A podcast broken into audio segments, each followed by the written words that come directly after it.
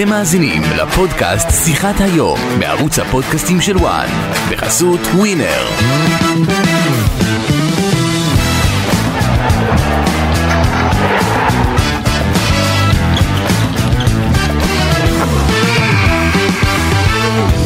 במשחקים האולימפיים האחרונים כולם היו בבתים. מגפת הקורונה פשטה בכל רחבי העולם. להיכנס לתחרויות היה בלתי אפשרי. האולמות היו ריקים. אבל דווקא שם, פתאום ההתעמלות האומנותית פרצה לכל בית בישראל. באולם אריאקה, מול יציאים ריקים, ההמנון הישראלי התקווה נוגן, ובתוך השקט זה היה דווקא רגע מצמרר. לינוי אשרם עמדה שם, במקום הראשון על הפודיום, עם מדליית הזהב האולימפית, הילדה מראשון לציון, שעמדה על כל פודיום אפשרי ברחבי העולם, כן, גם על הפודיום האולימפי, התרגשה. ברוכים הבאים לפודקאסט שיחת היום לרגל יום העצמאות ה-75, אני אסי ממן וכאן איתי אחת מהספורטאיות הגדולות בתולדות המדינה, לינוי אשרם, שלום לינוי. שלום, שלום. מה שלומך? מעולה. כן? כן. אני רואה אותך עדיין מתרגשת מה... אמנם עבר זמן, זה היה לפני כמעט שנתיים, נכון? משהו כזה? כן, מרגיש כאילו זה היה לפני חצי שנה. עדיין. הצמרמורת עדיין חוזרת כאילו שאת נזכרת בזה באותם רגעים, הרגע הזה שאת על הפודיום? אה, אני אגיד לך, אני מעבירה כיום הרצאות, אז בהרצאה שלי אני ככה אה, מדברת על הדרך שלי ועל הקריירה שלי, אה, ויש שם חלקים של סרטונים, בין אם זה סרטון של אחד התרגילים שלי, אה, או בסוף יש ממש סרטון של הזכייה, אז אני עדיין כל פעם צופה בזה ומסתכלת על זה, וזה עדיין מרגש מחדש. אולם אריאקי היה אולם שהאיר פנים לכולם, וגם לך, גם לארטיום דולגופיאט, שניכם יצאתם עם הזהב, וזה היה מטורף, כי עד אז רק גל פרידמן היה עם מדליית זהב. אה, כן, האמת שזו הייתה חוויה מטורפת, שהיא עד היום לא נתפסת לי שהיא קרתה. כן.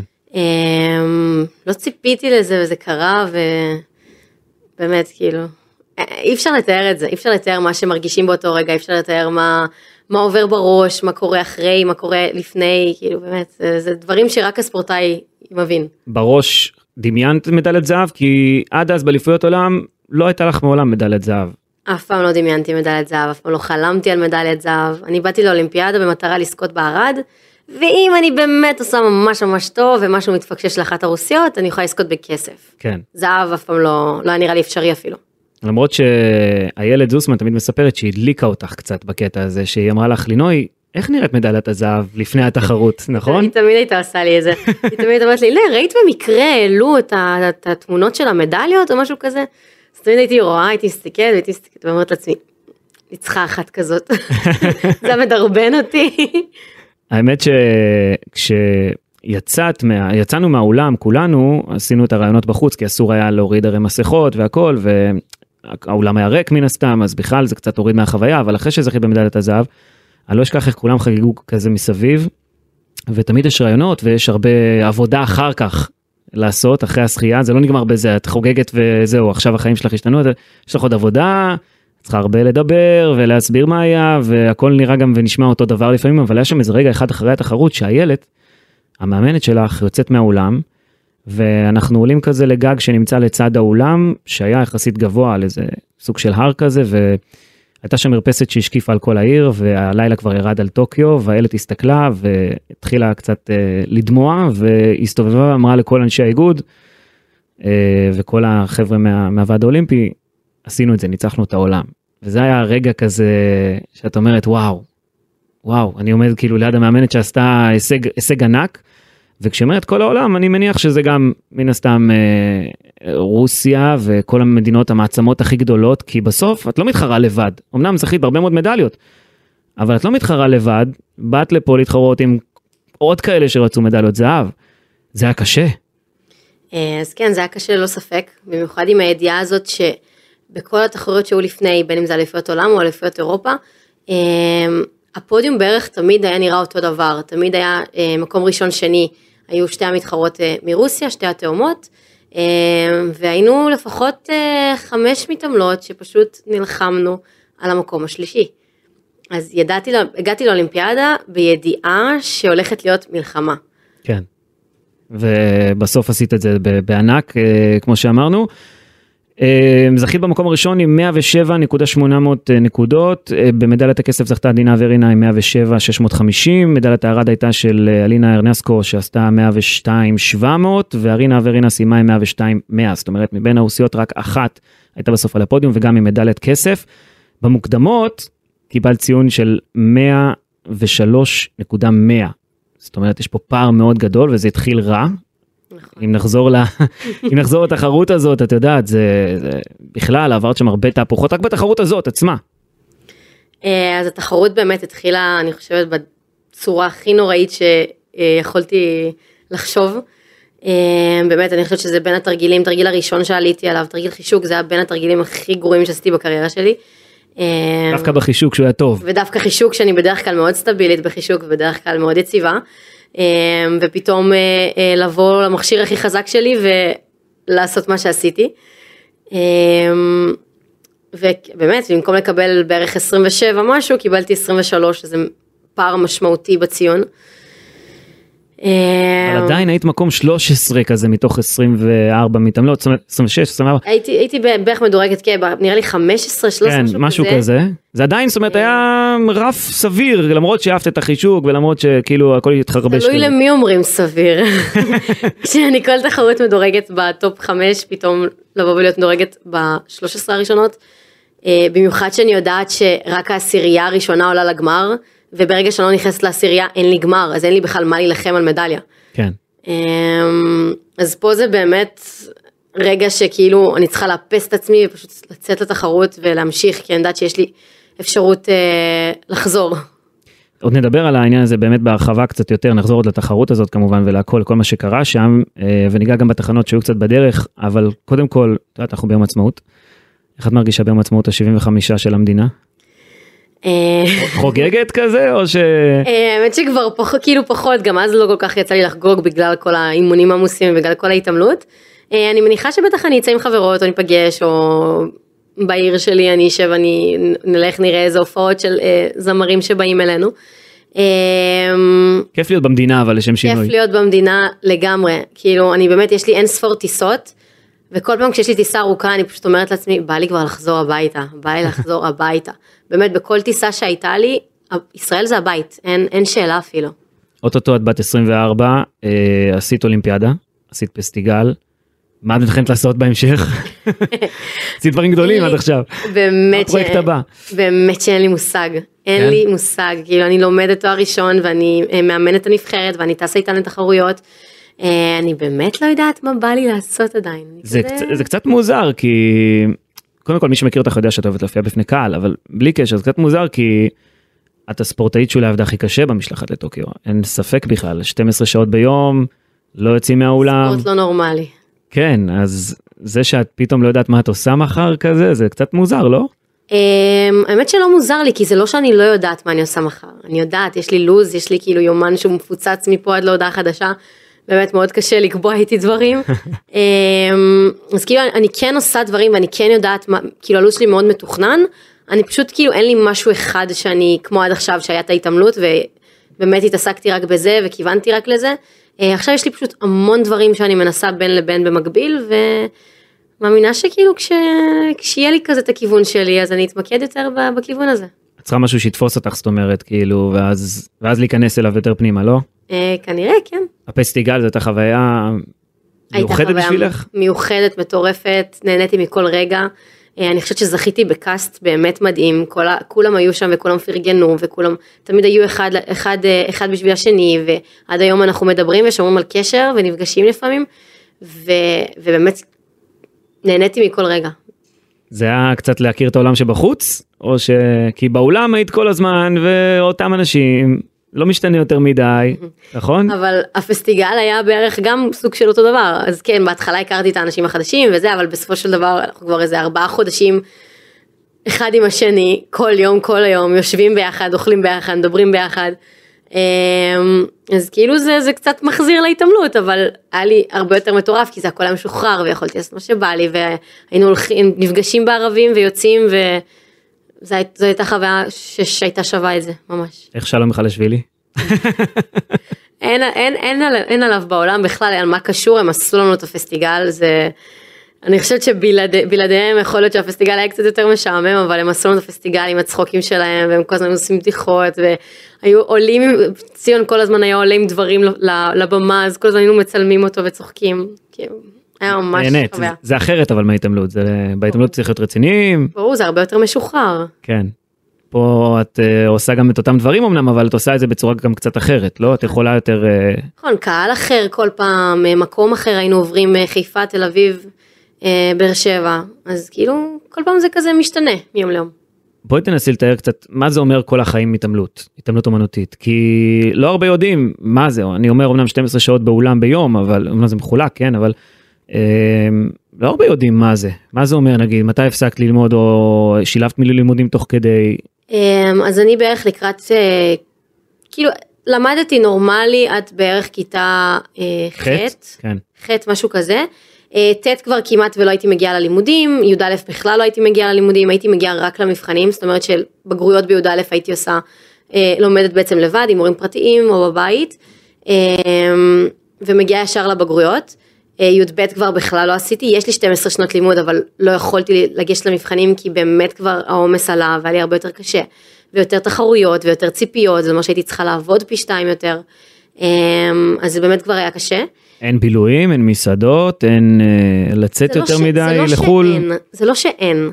יש, אבל אה, כאילו מאוד מוגבל ומאוד כזה אה, לפי, לפי תאריכים, זאת אומרת שאם זה ממש בתקופ- בתקופת תחרויות אז אי אפשר. כן, אם זה לא בתקופת תחרויות וזה יותר משוחרר, אם זה אחרי אליפות עולם אז באמת יש לנו חודש חופש, אז אפשר לעשות ללכת לאן שאנחנו רוצות ולטייל. אה, זה כן פשוט הכל מאורגן מראש והכל כאילו מסודר לפי לוז והכל לפי תקופת תחרויות ולפי מה שאני יודעת שהמטרה הבאה שלי. ואיך זה כשאת תוך כדי בתוך האולם, הרי אומרים תמיד שכולם במרכאות מנותקים ממה שקורה בחוץ, כי כל הזמן את באולם וכל הזמן מתעסקת רק בזה, אבל תוך כדי אנשים כבר מבינים שיש פה משהו מיוחד, גם את מבינה שיש משהו מיוחד, ואז את רואה את הפרצוף שלך בעיתונים, בטלוויזיה, בשלטי חוצות, פתאום את הופכת לכוכבת, זה היה קצת מוזר? כי גם הייתי אה, ילדה יחסית, כאילו, הייתי מאוד ילדה וגם יחסית לעכשיו הייתי גם מאוד מאוד ביישנית, כאילו פחות הייתי מדברת, פחות הייתי כזה אה, יוצרת שיחות, הייתי כזה קצת הרבה יותר ביישנית. אה, בהתחלה זה היה לי מאוד מוזר כי בסופו של דבר לא נכנסתי לספורט כדי להיכנס לעולם הפרסום או כדי להיות אה, אה, טאלנט או כדי להיות אה, מוכרת באיזשהו אה, מקום. נכנסתי לספורט נטו מאהבה לספורט ומהרצון באמת להצליח ולהגיע להישגים מאוד מאוד גבוהים. ופתאום שזה גם כלל בתוכו את העובדה שאני הולכת ברחוב אנשים כאילו אה, פונים אליי ואומרים לי יא זאת את הספורטאית או שפתאום אה, מצלמים מבקשים להצטלם איתי או מצלמים אותי אה, זה לא משהו שכאילו ידעתי שהולך לבוא וכשזה הגיע זה הגיע בבום ובהתחלה זה היה לי מאוד מוזר והיה לי קשה כזה להבין את זה ולהתרגל לזה אה, אבל עכשיו אני כזה ממש בתוך זה אני כאילו ממש מנסה כזה אני לא יודעת איך להסביר, פשוט כאילו אי אפשר ללכת ברחוב, בוא נגיד את האמת. אי אפשר ללכת ברחוב. אי אפשר, האמת, ש, האמת שיצאתי אפילו ל, לאיזה כאילו מקום עם חברות, וזה היה באמת כאילו זה עבר כל, כל דבר שהיה לי בתקופה האחרונה, כאילו כל כך הרבה אנשים, אני מדברת איתך על כאילו באמת נראה לי מאות אנשים שהיו שם, פשוט ניגשו אליי ו, וביקשו להצטלם וכאילו אמרו לי כל כך הרבה דברים שכאילו היה לי כל כך כיף לשמוע. ו, וזה זה כל פעם כאילו, לא יודעת, מרגש מחדש ומפתיע מחדש. זה כיף שמזהים אותך גם היום ברחוב ו- ועדיין מדברים ופונים ואומרים אה, וואי איזה יופי מה שעשית אני לא אשכח את זה הייתי פה הייתי שם נכון בעיקרון כן, זה כיף וזה מטורף וזה משהו שכאילו אני אומרת לעצמי, עשיתי כזה חותם, שמתי חותם שיזכרו לו עוד המון המון שנים, כן אה, וזה היסטוריה. אה, ומצד שני לפעמים כזה, אתה יודע, בא לך קצת הפרטיות שלך, בא לך קצת כזה, לא יודעת, להיות אתה ולהיות עם עצמך. ופתאום שכזה אני סוג של אה, אישה של הציבור, אז פתאום זה כזה, לא יודעת. כי לפעמים זה קשה, אבל לרוב כזה זה מאוד מאוד כיף ומאוד, אני תמיד מחייכת, תמיד אה, עונה בחיוב, תמיד מצטלמת, באמת, גם אם זה מאות אנשים שפתאום באים אליי. אני תמיד משתדלת לענות ככה, ו... וכאילו, מה, אני מעריכה את זה מאוד. בחול זה גם קורה לך? כי יש מלא ילדות הרי שרואות התעמלות בכל העולם. בחו"ל כשאני באמת נמצאת במקום של, אה, של התעמלות, של בנות שבאמת מבינות בהתעמלות ונמצאות בהתעמלות, אז כן, זה קורה. אני ככה מעבירה... סתם נגיד אם את מטיילת במדריד נגיד אז זה לא לאו דווקא. לא, אלא אם כן תעבור איזה מתעמלת, ככה, כן. לא, ככה לא, אבל אני מעבירה הרבה מאסטרים בחו"ל, זה מעבירה עם כאילו כמו אה, כיתת אומן, כן. כיתת אומן בחו"ל, ואני רואה כשאני, ובדרך כלל אני מעבירה את זה לבנות כאילו יחסית קטנות, וכשאני נכנסת פעם ראשונה לאולם שלהם אני פשוט רואה את העיניים של כל הבנות הקטנות האלה, וכל העיניים נוצצות והן פותחות את העיניים כזה, ומסתכלות עליי כזה פעורות פה, ואני כולי, מה, כאילו, לא יודעת, זה, זה מוזר לי, אבל אני כאילו מסתכלת עליהם, אני אומרת, וואו, זה מטורף. בואי נתחיל מההתחלה אגב, עם אה, באמת מההתחלה, זאת אומרת מהקטע של הילדות, מה זה היה בשבילך להגיע להתעמלות אמנותית? כי את באה בראשון לציון לאולם, איך, איך הגעת לזה? אמ, אז האמת שבכלל לא הכרתי את הענף הזה, אימא שלי בכלל באה מהתאמנות קרקע. אוקיי, אמ, וכשהייתי ילדה קטנה הייתי פשוט ילדה מאוד מאוד פעילה, אז תמיד ההורים שלי ידעו שאני צריכה לעסוק בספורט. אה, וניסיתי כל מיני תחומי ספורט, ולא יודעת, איכשהו כשנכנסתי לא- לאולם של ההתאמנות זה שאב אותי. וישר אמרתי פה אני רוצה להיות, פה בא לי להיות, משהו פה, לא יודעת, זה מרגיש לי ש, שפה אני צריכה להיות. אה, ואז באמת התחלתי, הגעתי לאולם וישר המאמנת הראשית בחנה אותי, ישר הסתכלה עליי, ידעה אם אני יכולה לעשות, בדקה אם אני יכולה לעשות אה, שפגאט, אם אני יכולה לעשות גשר, אה, באמת הסתכלה עליי. וזהו, ובאמת כאילו התחלתי לאט לאט. היה לך קשה כזה להיכנס לזה? כי אני זוכר שהייתה עוד ילדה איתך, נדמה לי קראו לה זלטה, יכול להיות? נכון, היא הייתה ש- איתי, הייתה הייתי תותחית. כזאת וזה, ומתישהו עקפת אותה באיזשהו שלב, אבל אה, היה, היה קשה להיכנס ל... אז קודם כל הגעתי באיחור, יחסית, כאילו כל הבנות התמודדותית מתחילים בערך בגיל 3-4, אני הגעתי בגיל 7 רק באמת לאולם של, של ראשון. אמ, ובאמת הייתי בפער עצום משאר הבנות, אה, הרגשתי כזאת אה, שונה שעדיין אני לא מצליחה לעשות דברים שבנות כבר עושות. אמ, גם מבחינת השפה שבאמת לא הבנתי רוסית אז לא הבנתי מילה ממה שהמאמנת אומרת או מה שהחברות מדברות, את, את היום דוברת רוסית? היום דוברת רוסית. וואו, את, צריך לומר, את חצי תימניה. חצי יווניה, שדוברת רוסית. דוברת רוסית. זאת אומרת, אם הן עכשיו מדברות ביניהן באולם, מתעמלות מרוסיה, את יודעת בדיוק מה הן אומרות. יודעת בדיוק מה הן אומרות, גם בהתחלה אני ואיילת היינו משחקות אותה שאנחנו לא מבינות, היינו שומעות הרבה שיחות שהיו עלינו שהיינו בטוחות ש... שהם היו בטוחות שאנחנו לא מבינות והבנו הכל, אה, ניצלנו את זה בהתחלה לטובה. גדול. אה, אבל כן, אבל בהתחלה היה מאוד אה, קושי הסתגלות כזה, גם מבחינת הפער שלי מהבנות וגם מבחינת השפה. אבל ההורים שלי תמיד היו שם, ההורים שלי תמיד תמכו, תמיד עזרו, תמיד היו שם ממש כמו גב בשבילי. ו... וזה ממש דרבן אותי, באמת גם ללמוד את השפה, גם לעבוד בבית, הייתי חוזרת הביתה אחרי אימונים, ממשיכה להתאמן בבית. ההורים שלי יושבים עליי בשפגטים, כאילו באמת הייתי מנסה לעשות כל דבר אפשרי בשביל לצמצם את הפער. וצריך לומר את האמת גם, היית קצת חריגה בנוף, דיברתי על זלטה למשל, היא עלתה ילדה בלונדינית, נכון, עם עיניים כחולות כזאת, הכי הכי מתאימה הייתי- לענף. כן, לא, לא הייתי, לא הייתי וגם אני עדיין לא מתעמלת מאוד סטנדרטית לה- אה, להתעמלות, מתעמלות בדרך כלל הן מאוד גבוהות, רזות, גמישות, אה, ממזרח אירופה, פתאום באה מישהי נמוכה, לא שמנמונת אבל מלאונת כזאתי, יחסית כאילו לבנות האחרות. אה, תימניה בכלל, ישראלית, לא, לא, לא מבינה מילה ברוסית, כאילו באמת שונה לגמרי מכל סטנדרט אפשרי. וזה דווקא אולי שיחק לטובתך, את יודעת, כי פתאום היית אחרת. הבאת משהו אמ, אחר. אז בהתחלה לא ראיתי את זה, לא ראיתי שאני אחרת, לא ראיתי שאני מביאה משהו אחר. בהתחלה הסתכלתי על זה באמת בתור, אוקיי, אני שונה, כאילו, אולי אני לא מתאימה לפה. אמ, ואז כאילו כשראיתי שבאמת בהתחלה כאילו המאמנות לא כל כך כזה אמ, היו איתי ולא כל כך כזה דחפו ויותר דווקא הרימו בנות כאילו באמת ממזרח אירופה. אמ, אז אמרתי כזה וואלה בא לי, בא לי להראות להם שאני מסוגלת כאילו להראות להם שזה אפשרי שזה שאני לא ממזרח אירופה לא אומר שאני לא יכולה. ובאיזשהו שלב זה פשוט דרבן אותי כדי להוכיח להם שאני יכולה ושאני הרבה יותר טובה. וכשזכית בזהב אז מן הסתם זה, זה זאת החותמת נכון כאילו זכרת את הימים האלה של ההתחלה כשזכית בזהב או שזה אני לא תמיד זוכרת זה לא משהו כן. שזה חלק מהדרך שלי זאת ההתחלה שלי אפשר לשכוח. אה, פרץ בג'וניור יותר. אה, התחלת בכלל בנבחרת הג'וניור שזה אז בזמנו היו מאגדים את כל המתעמלות גם האישיות הכי טובות לנבחרת עדיין. אחת כן זה עדיין ככה עדיין ככה. אוקיי אה, אז היית בנבחרת בהתחלה נכון קבוצתית. זה היה משהו שונה לחלוטין כי את לא עובדת לבד. תכלס זה משהו שכיוונתי אליו, אני רציתי להיות מתעמלת קבוצתית. פעם, באמת? לא, אף פעם לא חשבתי להיות מתעמלת אישית. גם לא הייתי מועמדת להיות מתעמלת אישית. מה, זאת אומרת, אפילו גם תוך כדי הקריירה, אחרי שכבר התחלת להיות מתעמלת אישית, אמרת אני רוצה מתישהו להיות בקבוצתי, לחזור לזה גם יכול להיות, או ש... אמ, כמתעמלת בג'וניור, באמת בקבוצתי, אז השנה הראשונה שלי בג'וניור הייתה אה, בנבחרת קבוצתית. ואחרי הנבחרת קבוצתית בג'וניור נשאר לי עוד שנה שלמה של אה, ג'וניור, אז אין מה לעשות, אתה נשאר באישי, כי כן. אין, אין עוד משהו לעשות חוץ מזה. אז התחלתי באישי, גם טסתי לאליפות אירופה, אולימפיאדת נוער, וזה, כי באמת הייתי המתעמלת האישית ג'וניור אה, בעצם הכי, הכי טובה שהייתה פה, אה, בשנתון שלי. אה, וממש כשעליתי לסניור, אני זוכרת שהייתה אליפות ישראל, והיה את נטע, והיה את אורי, אה, והייתה את מתעמלת נטלי מנדלסון. נכון. אמ, שאני אני, אני הייתי שנה ראשונה בסניור, היא כבר, כבר שנה שנייה שלה, היא כבר כאילו מדורגת בישראל שלישית. אה, ואליפות ישראל, ואליפות ישראל הזאת הייתה אמורה לקבוע מי, מי, מי השלשה שתטוס ל... מי השלוש בנות בעצם שיטוסו לאליפות עולם בשטוטגרט. אה, שזה אומר נטו עושה ארבע, טורי עושה ארבע, ועוד אחת יכולה לעשות שני מכשירים. אמ, ובאמת היה מי שתהיה מקום שלישי, היא זאתי שטסה לאליפות עולם.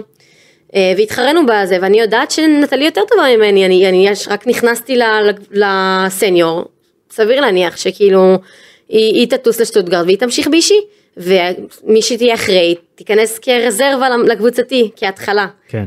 אה, וזה מה שהייתי בטוחה. ו... ואז כאילו באמצע תחרות הבנתי שכאילו במכשירים, בשתי מכשירים האחרונים של נטלי, אה, היא עשתה שני מכשירים לא טובים, היא הפילה ב... ב... סתם מהיד, היא פשוט הפילה. אה, ובסוף התחרות הבנתי שאני שלישית. ואז אני טסתי לשטוטגרט כאישית. ומשם הדלת שלי פשוט נפתחה כמתאמנת אישית, אבל אני הייתי בטוחה, 2015, נכון? 2015. אליפות עולם ראשונה שלך. אני הייתי בטוחה שאני, אני, מהאליפ- מהאליפות ישראל הזאת, אני הייתי בטוחה שאני הולכת לקבוצתי. זאת אומרת, זה הרגע שבו אמרת, אני עכשיו באישי ולא בקבוצתי, אה, ובאמת נטלי מנדלסון הייתה רזרבה באולימפיאדת טריו. נכון. זאת אומרת, יכולת להיות שם את, יכולתי, הכל היה יכול להיות אחרת. וואו. וחשבת על זה שאת רוצה מתישהו לחזור אולי לקבוצתי? באמת אני שואל, כי... אה, כן, כן? מאוד. מתי? אחרי אולימפיאדה, מה, איזה אולימפיאדה? זאת, בטוקיו? כן. רצית להתחיל קמפיין אחרי חדש? אולימפיאדה בטוקיו אמרתי שאם אני נשארת, אני נשארת רק לקבוצתי. וואו. זאת אומרת, יכול היה להיות שהייתי עכשיו בשיא ההכנות לפריז, יכול להיות. וזו נבחרת מצוינת אגב. נבחרת, וואו, בין הטובות שהיו, יכולה להגיע ל- לזכייה במדליה? כי נבחרת עדיין לא הייתה. ללא ספק. וואו. יכולות- ללא ספק הן יכולות, אם הם ימשיכו לעבוד קשה, הן אה, מסוגלות לזה. אה, האמת שאת הפוטנציאל הכי גדול, כאילו, ש- שאני ראיתי, זאת אומרת, אה, זה היה בברנו, ברנו, שב-2015, גרנד פרי, אם אני לא טועה, שם התחרית עם מרגריטה ממון, ואני לא זוכר אם היא נפצעה תוך כדי, לא זוכר מה היה חולה. שם, אבל אה, פתאום התחלת לקחת, לקחת שם את המדליות, ואפילו עקפת אותה ולקחת זהב באחד מהתרגילים, לקחת מקום ראשון בגרנד פרי בגיל 15 וחצי, משהו כזה, 15. נכון. והיית פתאום, התחילו כל מיני דיווחים כאלה בעולם שאת המתעמלת השנייה הצעירה ביותר שמגיעה לפודיום בגרנד פרי והבאת שם ארבע מדליות כסף, אחת זהב. משהו כזה, משהו זה כזה? עבר הרבה זמן. נתת fight למרגריטה ממון, ואז פתאום... שהיא הייתה המודל שלי. אה כן? כן. אני ממון, היא כאילו, היא, היא, היא אחת המתעמלות שהייתי מסתכלת עליהן והייתי כאילו, וואו. שם אני חושב אנשים שמבינים בהתעמלות אומנותית התחילו להבין שיש פה משהו מיוחד וגם מודבק לך באיזשהו שלב כינוי כזה הפנתרה השחורה נכון? פנתרה שחורה, כן. אהבת את זה או לא אהבת? תגידי את האמת. אה, האמת שכן, כי זה כאילו מאוד אני כזה. אני כזאת אחת ש... אני כאילו מאוד אוהבת כזה, אני, אני מאוד שקטה, אבל כשנכנסת לתחרות, אני לטרוף את המשטח, כאילו ז- זאת אני. אני אולם התחרות בשבילי, המשטח, לעלות על המשטח, זה, זה הבית שלי, זה המקום שלי, זה כאילו, זאת אני, לתת את השואו מול הקהל זאת אומרת עדיף את זה מאשר אימון גם. בטח. בטח. האימון, אימונים, אם- אני חושבת שאם מישהו מבחוץ היה יושב ורואה יום שלם של מתעמלת, מתעמלת באולם, הוא לא היה מבין איך אנחנו עושות את זה. זה א' קשה, ב' משעמם גם, כי זה לחזור על אותו דבר כל היום.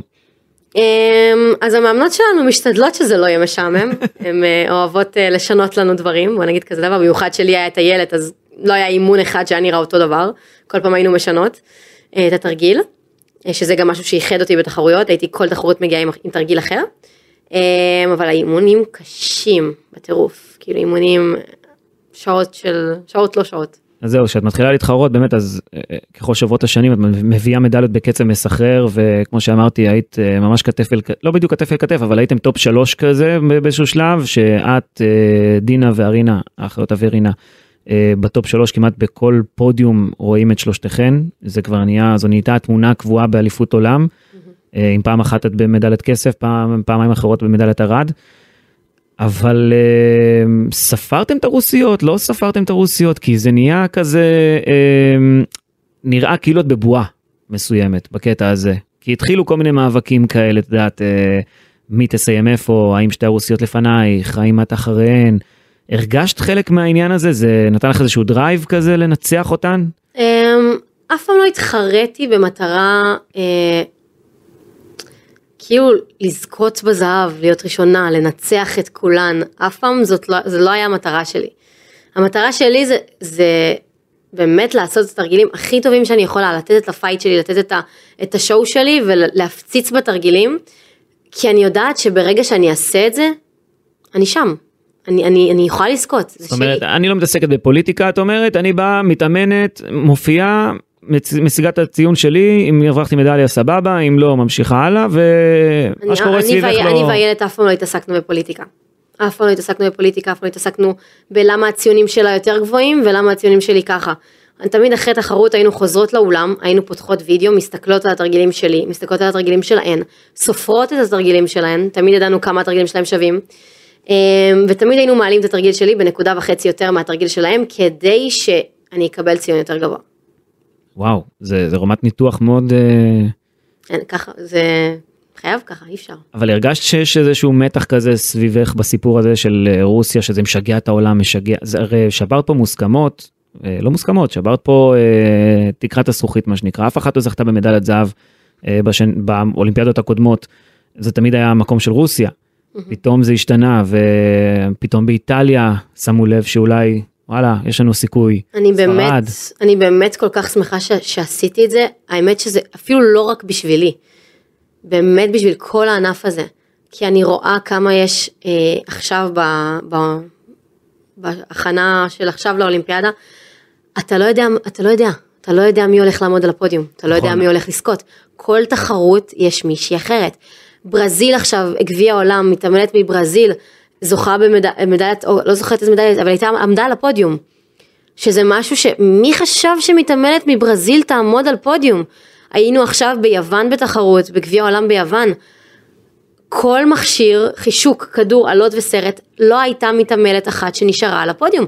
כל מכשיר השתנה. כל פודיום היה נראה שונה לגמרי מהאחר. זה משהו שלא היה בחיים, ואני רואה כמה זה נותן drive לבנות ולמתעמלות לתת את ה fight שלהם, כי באמת אי אפשר לדעת מי יעמוד על הפודיום. מי שתעשה טוב, תהיה על הפודיום. זה עד עכשיו לא היה ככה. מה חשבת על מה שאמרו עלייך ברוסיה? את יודעת, אה, אירינה וינר וכל מה ש... כל רוסיה בעצם עסקה בזה בסוף. האמת שבאמת באמת לא התייחסתי לזה. כאילו קיבלתי כל כך הרבה תגובות בין אם זה באינסטגרם או בין אם זה אה, בכל מיני הודעות, פשוט או שעשיתי דלית או שפשוט לא התייחסתי כי מה, אני... כאילו הודעות אה, שתקפו אותך כזה? ב... כן, שהמדליה לא שלך, המדליה של הרוסיות, זה לא מגיע לך, זה לא שלך, את לא, לא הרווחת את זה ביושר. זה מציק, אבל אני באמת כאילו פשוט מוחקת את זה ולא מתייחסת, כי אני יודעת, שאני, אני יודעת כמה אני עבדתי קשה בשביל המדליה הזאת. אני באמת כאילו נתתי את כל כולי כל השנים האלה, אני לא עבדתי לחינם. ואני חושבת שבאמת ביצע, ביצעתי את התרגילים בצורה הכי טובה שיכולתי לבצע. אה, והדרגת קושי שלי היא בין הדרגות קושי הכי טובות והכי גבוהות משל כולם, משל כל המתאמנות, כי אנחנו סופרות את התרגילים של כולם, כל תחרות, אז אני יודעת מה, מה, כמה התרגילים שלי שווים. אה, ואני יודעת שהרווחתי את זה ביושר, אני באמת הרווחתי את זה ביושר, לא היה פה שום דבר חיצוני שהשפיע על זה. אני באמת כאילו הגעתי לשם הכי מוכנה שיכולתי, עם התרגילים הכי גבוהים שיכולתי להגיע אליהם, ועשיתי את זה. 11 אה, מדליות מאליפויות עולם, 6 אליפויות אירופה, נכון? ספירה נכונה? שאת כבר לא סופרת. עשית דברים גדולים, בוא נגיד ככה. רק מדליה אחת הייתה חסרה לך וזה זהב באליפות עולם. באליפות עולם. ביאס אותך? תגידי את האמת. ברור. אם יש כאלה ששואלים אותי למה, אם היית חוזרת, בשביל מה היית חוזרת? בשביל להשלים את כל הסריה של כל המדליות שיש לי מכל התחרויות. זו המדליה היחידה שאין לי. דווקא הייתה פעם אחת שהיית ממש מעולה, זה היה בתרגיל חישוק, בגמר חישוק. 2019. כן, ובאה פתאום איזו מתעמלת שאומנם מרוסיה, אבל אחת שלא כל כך הכרנו, אני עד היום לא זוכר את השם שלה אגב, יקצרינה סיר- סיריזניובה, את לא תשכחי. ברור. באה משום מקום, אחרי שביצעת כבר את התרגיל, אחרי שעברת את כולן, היא הייתה אחרונה, נכון? או לפני לדעתי, האחרונה? כן, אחרונה. והיא לקחה לך את הזהב. מה קרה שם? איך את ראית את זה? לא יודעת. לא יודעת. זה משגע אותך לפעמים? אמ, לחשוב על זה כאילו... כאילו כן ולא, כי לפעמים כאילו אני לא יודעת, אוקיי, לא, למה לא זכיתי? כי לא הספיק כאילו התרגיל שלי, הדרגת קושי לא הייתה מספיק גבוהה, לא ביצעתי את התרגיל מספיק טוב, למרות שכאילו הסתכלנו ודווקא הכל היה ממש מדויק ובסדר. אמ, אז היו הרבה מחשבות של למה, למה, למה, למה. או שהיא נתנה את תופעת חייה, יכול להיות? אמ, כאילו התחר, התחרתה כזה, התחרתה, לא אומרת שהיא התחרתה מעולה, התחרתה טוב. כן. אבל כאילו בדרך כלל בתחרויות אני הייתי עוקפת אותה. אבל אמ, כאילו הסתכלתי על זה, ב... אם לא זכיתי, זה לא שלי. לא משנה, זאת אומרת יאללה. ממשיכים הלאה. כן. כמו, כמו באליפות אירופה ב, אה, בוורנה, 2020 לדעתי זה היה.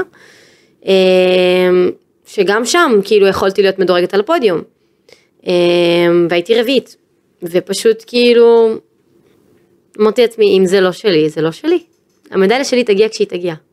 יום אחרי המדליה בטוקיו ישבת במסיבת עיתונאים ואמרת משפט מאוד מעניין אגב בהקשר הזה של יחסי ישראל רוסיה כזה בקטע של ספורט. אמרת כמו שאמרת על ברודי אנחנו על המפה. Uh, את יודעת מתי הוא אמר את זה אחרי שהוא ניצח את צסקה מוסקבה עם מכבי תל אביב uh, זה די דומה לא זאת אומרת עשית משהו מאוד משמעותי בקטע הזה לנצח את המעצמה הרוסית. זה מי שלא יודע בהתעמלות אומנותית זה חתיכת מפעל רוסיה זה לא כמו פה ש... אה, לא מזלזל חס וחלילה, כן, גם פה עובדים קשה, אבל שם יש מלא מלא מתעמלות שהן בוחרות בפינצטת הכי טובה מכולן, וזה חתיכת מפעל מה שיש שם, וניצחת את זה, את האימפריה הזאת. והמשפט שלו, שאחר כך את אמרת גם כן, זה משהו שתכננת להגיד, או שזה יצא לך ככה בטבעי? אמ, האמת שזה פשוט יצא לי בטבעי, כי זה הרגיש לי שכאילו הכנסתי את, ה, את הענף שלי, את משהו ש, שבאמת נתתי את כל החיים שלי, את כל, את כל הקריירה שלי בשביל, בשביל הענף הזה, אמ, והבאתי כזה הישג שכאילו ממש שם אותנו על המפה, וממש מכניס את ישראל אה, לחלק מהמעצמה של ההתעמלות, זה משהו שלא היה בעבר. אז כאילו זו שאני זאתי שהצלחתי לעשות את זה, זה, זה מטורף. מה היית אומרת על זה ברוסית? איך אומרים את זה ברוסית? לא יודעת. זה עכשיו ארוך. הרבה זמן לא דיברת את השפה, לא? או שבאימונים עדיין מדברים? אה, אה, לא, באימונים עדיין מדברים, לא, לא הרבה, לא הרבה, אבל, אה, אבל כן, עדיין, עדיין יש כאילו יחסית חצי מהאימון בערך ברוסית. אבל כן, לא, בגלל שכאילו, כשאני הרבה זמן, כי- אני טסה לחו"ל, אבל הרוב שם דווקא יותר באנגלית, פחות ברוסית, כי אין, אין את רוסיה, אז יכול להיות כן. שבגלל זה רוסיה הרוב לא באנגלית. רוסיה כבר לא רוסיה בתחרויות. ובלרוס לא בתחרויות. אמ, בתחילת הסניור אגב, התחרויות לבוגרות, היו מלחמות קצת בין האגודות, גיל 15-16, שוב, כמו שאמרת, הקטע הזה של מי תטוס לאליפות אירופה, היו אפילו בתי משפט עם טורי וילנובסקי בזמנו, ובסוף הוקפץ לאליפות אירופה בחולון כשנטע ריבקין אה, נפצעה. הענף הזה היה מאוד מסוכסך בארץ, עד שאת ואיילת הגעתן ואמרתם, אוקיי, אנחנו נעשה את הדברים אחרת. זאת אומרת, מאחורי הקלעים, שלפו ציפורניים המאמנות אחת לשנייה, אבל אתן החלטתם לעבוד קשה, אמרתם אנחנו נעבוד קשה וזה מה שיהיה, נכון? זה, זו הייתה הגישה בעצם. כן, אה, הגישה ללא ספק הייתה גישה כזאתי, כאילו אף פעם לא באמת רצינו להיכנס לפוליטיקה ואף פעם לא באמת רצינו את היריבות הזאתי.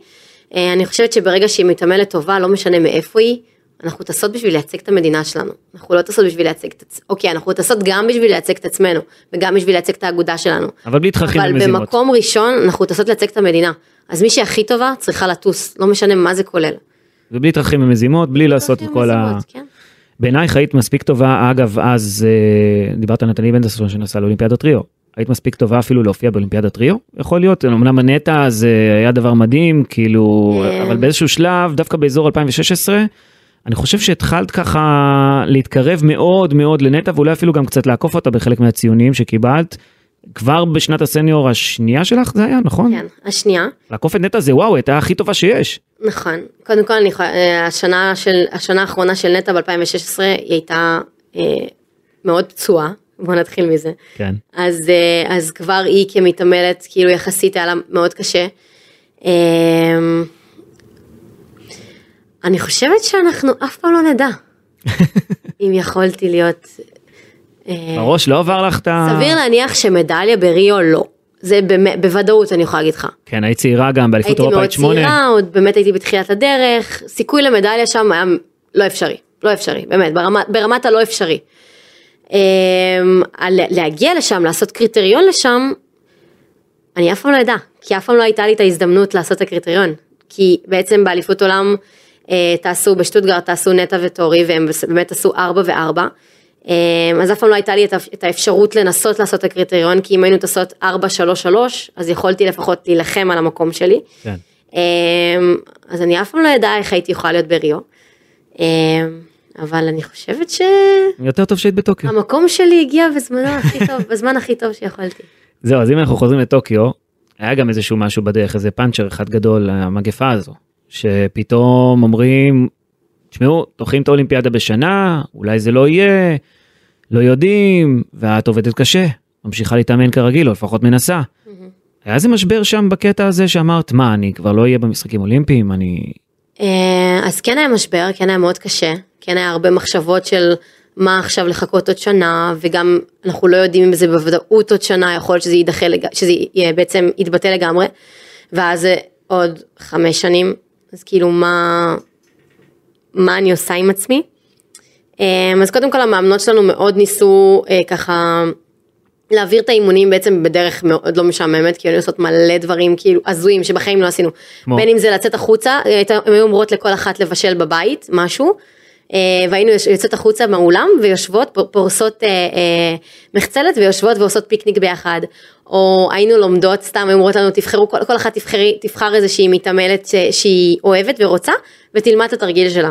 והיינו לומדות תרגילים של בנות אחרות מחו"ל, אני עשיתי את, של, את הסרט של מרגריטה ממון. וואלה. כן, אז ככה, היה לנו, הם עשו לנו הרבה אטרקציות, ככה ניסו לבדר אותנו כדי שלא ישעמם לנו וכדי שבאמת יהיה לנו את, ה, את הרצון הזה אה, להמשיך. אה, אבל אני מבחינתי הקורונה עשתה לי רק טוב. כאילו אני יכולה להגיד לך באמת בלב שלם של 99 אחוז שאם הייתי מתחרה ב-2020 ולא ב-2021, סביר להניח שהייתי מקום שלישי. אוקיי, מעניין. זאת אומרת, ה- עצם זה שנשארת להתאמן יותר ויותר ויותר, זה בעצם עשה לך יותר טוב, זאת אומרת. זה כן. בטח לזהב.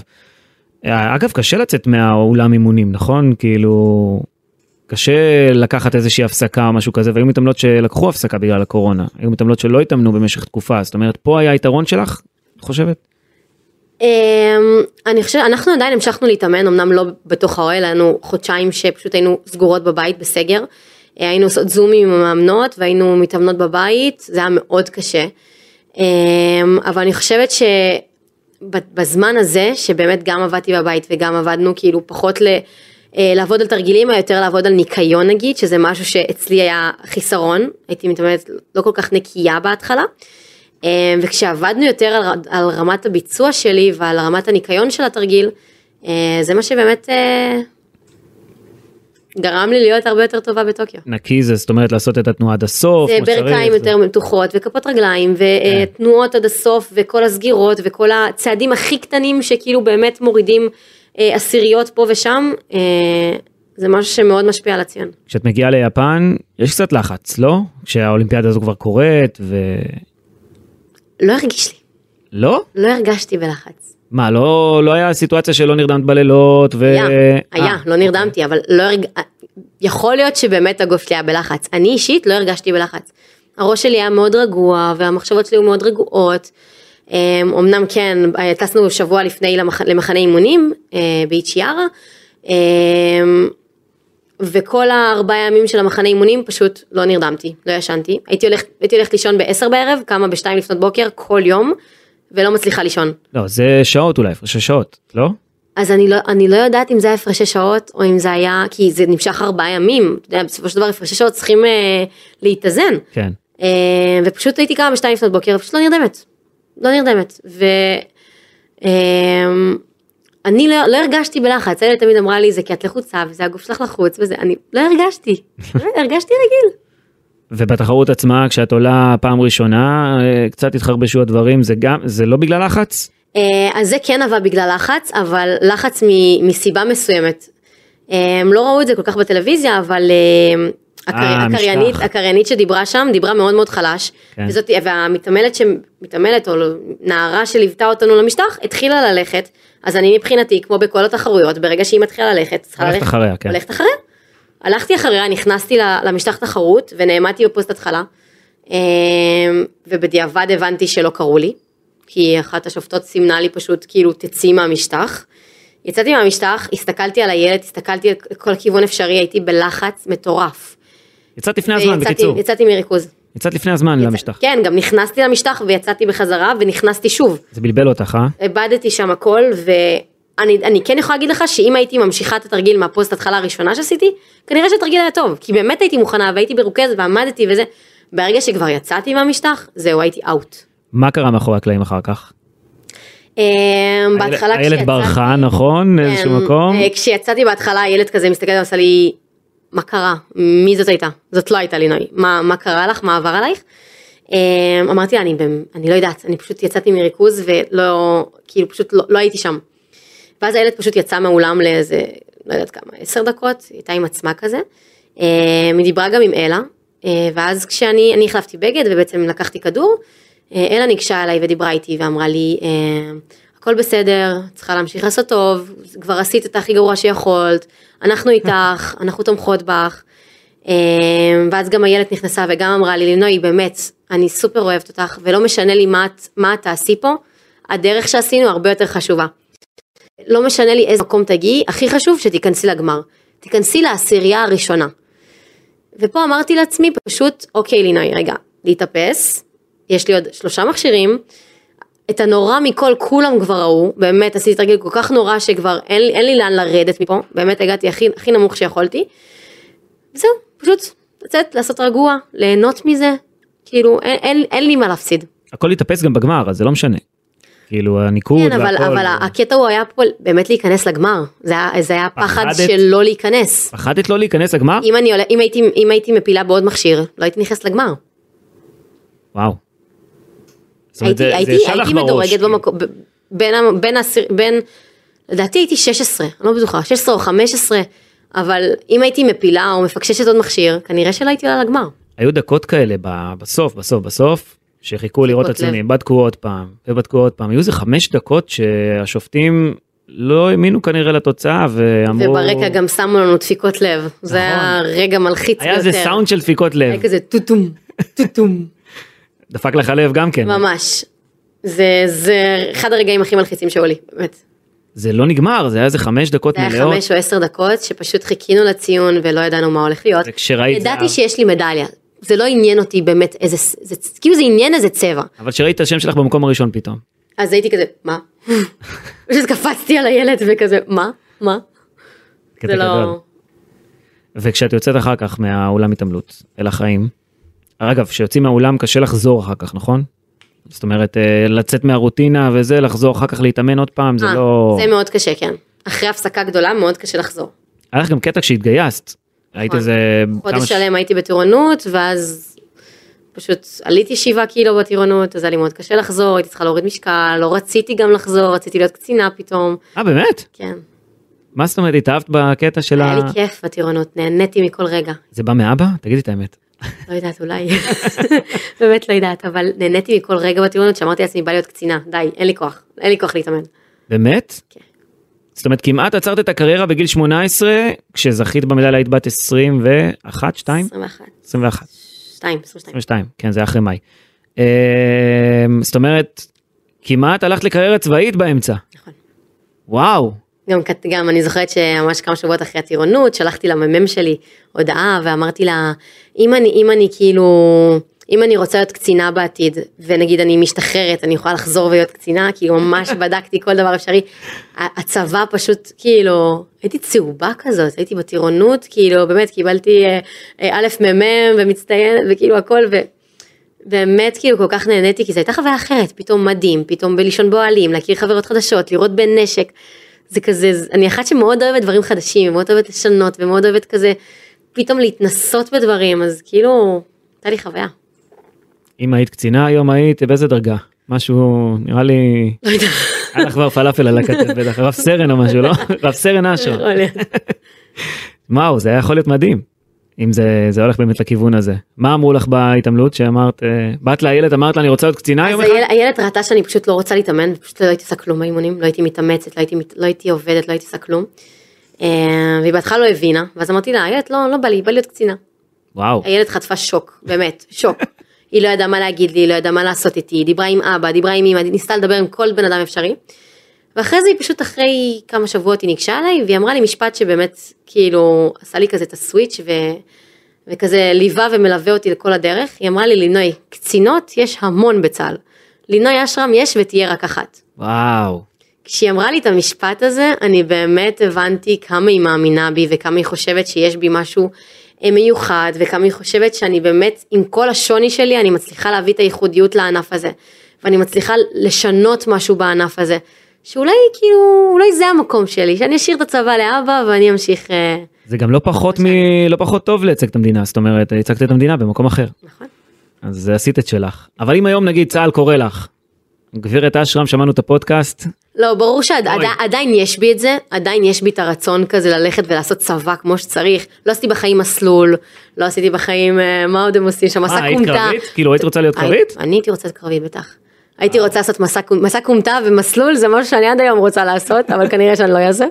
אבל אה, אבל כן זה תמיד היה כזה חלק ממשהו שבא לי לעשות בא לי לעבור את החוויה הזאת כאילו לא יודעת כאילו אני אני אני, אני לא יודעת זה קצת מוזר להגיד אבל אני כאילו אני רואה מלא חוזרים ממסלול או ממסלול או ממסע כומתה כזה גמורים ואין להם כוח ומת, וכאילו עייפים ואומרים כזה למה עשיתי את זה למה זה.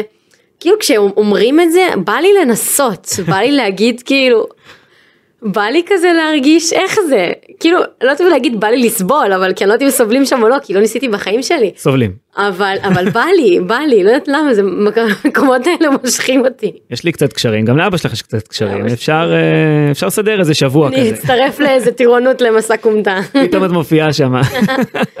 מלווה איזה חטיבה.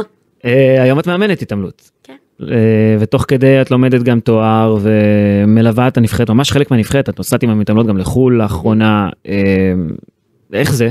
לעמוד נגיד מהצד ואת יודעת שעכשיו את לא הביצועיסטית, את צריכה לבוא ולתת הנחיות. אה, אז האמת שזה מאוד מוזר לי להיכנס פתאום לנעליים של איילת במרכאות כי אני עדיין עם איילת. אמ, זה מאוד מוזר כי כאילו אני באה ואני מוציאה מתעמלות למשטח התחרות ובא לי כזה הן יוצאות בא לי למשוך אותם חזרה ולהגיד להם לא אני יוצאת להתחרות ולא אתן כן. כי עדיין יש בי כזה את, ה, את הרצון להתחרות כאילו זה עדיין זה משהו שמאוד חסר לי אם יש משהו שבאמת מאוד חסר לי מההתעמלות זה התחרויות. אדרנלין, כאילו... אדרנלין, תחרויות, אמ, להופיע, שואו, אמ, אז זה כאילו עדיין מאוד חסר לי וזה גם משהו שהוא מאוד מוזר כי אני אה, מתאמנת שלי יוצאת לתחרות ואני מסתכלת ואין לי שום אפשרות להשפיע על התרגיל שלה. אני מוציאה אותה למשטח ואין לי מושג מה היא הולכת לעשות. כשאני על המשטח אני אחראית על עצמי ואני יודעת מה אני הולכת לעשות ואני אני אם קורה משהו אז אני יודעת למה זה קרה ואני וכאילו אני עם עצמי, אני יודעת, אני, אני זאתי שאחראית, וכשאתה מהצד, כשאני מהצד כמאמנת, אז כאילו אין, אין לי את האפשרות להשפיע, אין לי את האפשרות, אני רואה את המכשיר כאילו עף קצת עקום, בא לך לתפוס אותו. בא לי כאילו כזה, זוזי. אמ, אז כש, כשאין לי את השליטה הזאתי, שאת מרגישה פשוט חסרת שליטה, אין לך מה לעשות, זה, זה, את- זה המתעמלת שלך, ברגע שהיא יוצאת, זהו, זה שלה.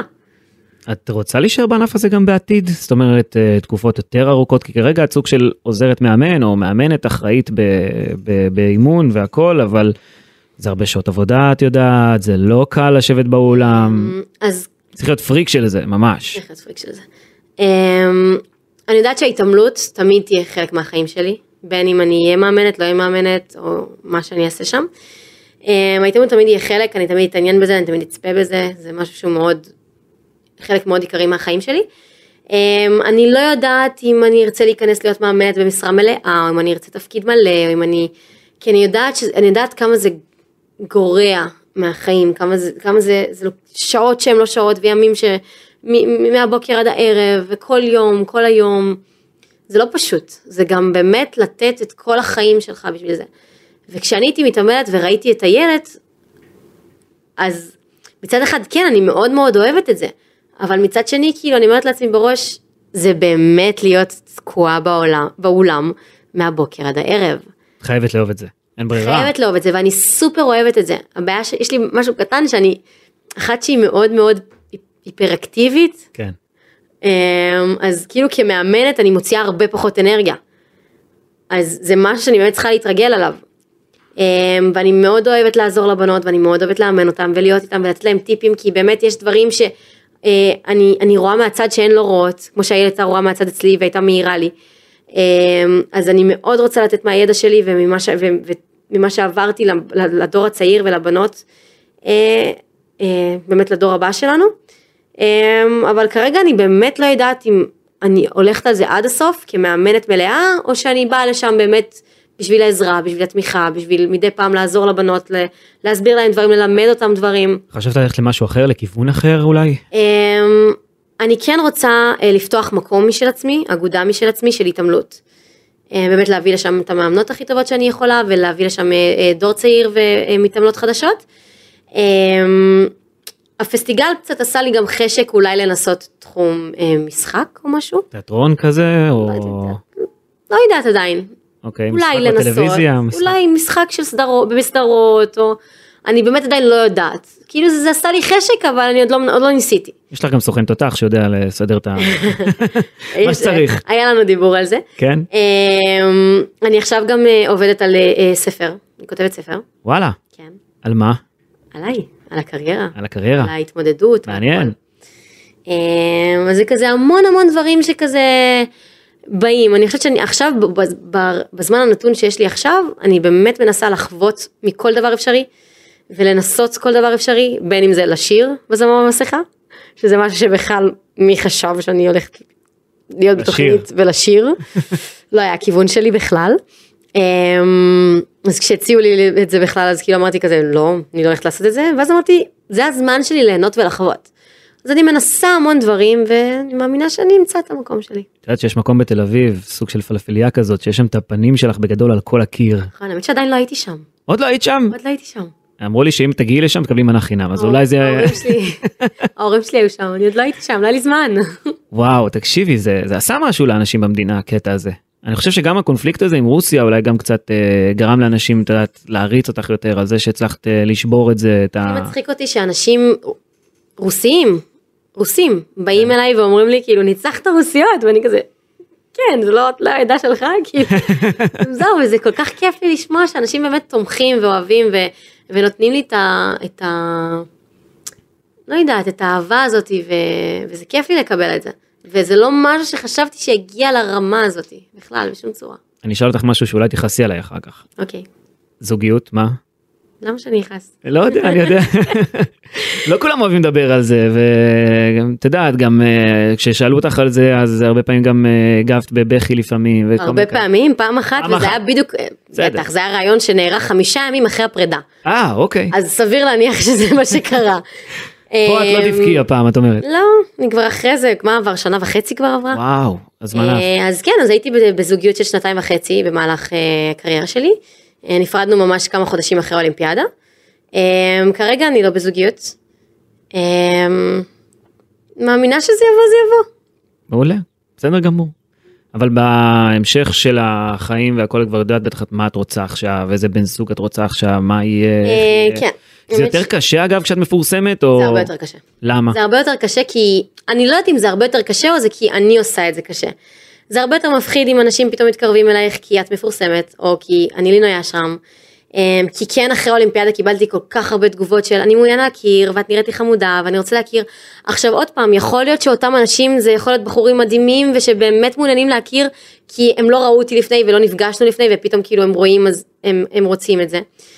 אמ, אבל אני לא, אני, אני לא יודעת אם זה אנשים שבאמת כאילו רוצים להיות איתי כי אני לינוי או בא להם באמת להכיר. בגלל זה כאילו דרך רשתות חברתיות אז זה לא משהו שאני עושה או יעשה כי זה מאוד מפחיד אותי. אמ, אז אם אני אמצא מישהו זה בדרך כלל יהיה אה, מסביבה קרובה ממקום שאני נמצאת בו שאני מכירה אנשים מחברים אה, משותפים. אמ, או שאבא עוד פעם משדך, לא? איך זה היה אז בזמנו? מישהו שידך, לא? אבא שלו שידך. אבא שלו שידך, כן. ובסוף הוא גם היה עם אבא שלי בצבא, הכי הזוי בעולם. וואו. הכרנו את ההורים לפני שהכרנו אחד את השני. או-אה. כן. קשוח. כן.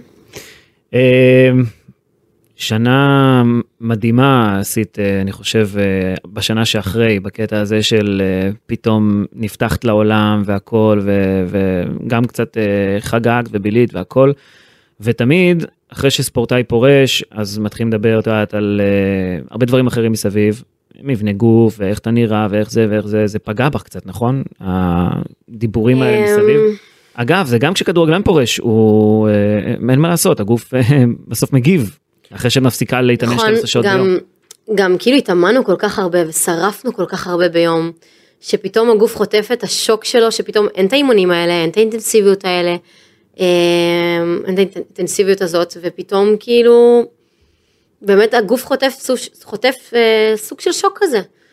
אה, אני לא יודעת אם יותר נפגעתי מזה אישית, כי אני לא יודעת אם להגיד אם נפגעתי אישית. כי אישית לא נפגעתי מאנשים שבאים ואומרים לי כאילו תראי איך את נראית. זה יותר פגע בי העובדה שוואלה אם אומרים את זה לי, כנראה שאומרים את זה לעוד המון המון בנות ועוד המון ילדים ועוד להמון אנשים. ואני בכל הרצאה שאני נמצאת, אני, שאני נמצאת ואני מעבירה, אני באמת נותנת דגש לדימוי גוף, כי אני חושבת שזה משהו שמאוד חשוב היום. אמ, באמת, כאילו בין אם זה ברשתות חברתיות או בין אם זה אנשים שבאמת בשיא חוצפתם, בלי שום זכות, פשוט באים אליי ואומרים לי פנים מול פנים, מי את? למה את השמנת ככה? למה את נראית ככה? את לא יפה ככה. אמ, תראי מה קרה לך, איפה ב- שראינו. באופן כזה ישיר? זאת אומרת, ישיר, ברחוב? במילים האלה. אדם שאת לא מכירה.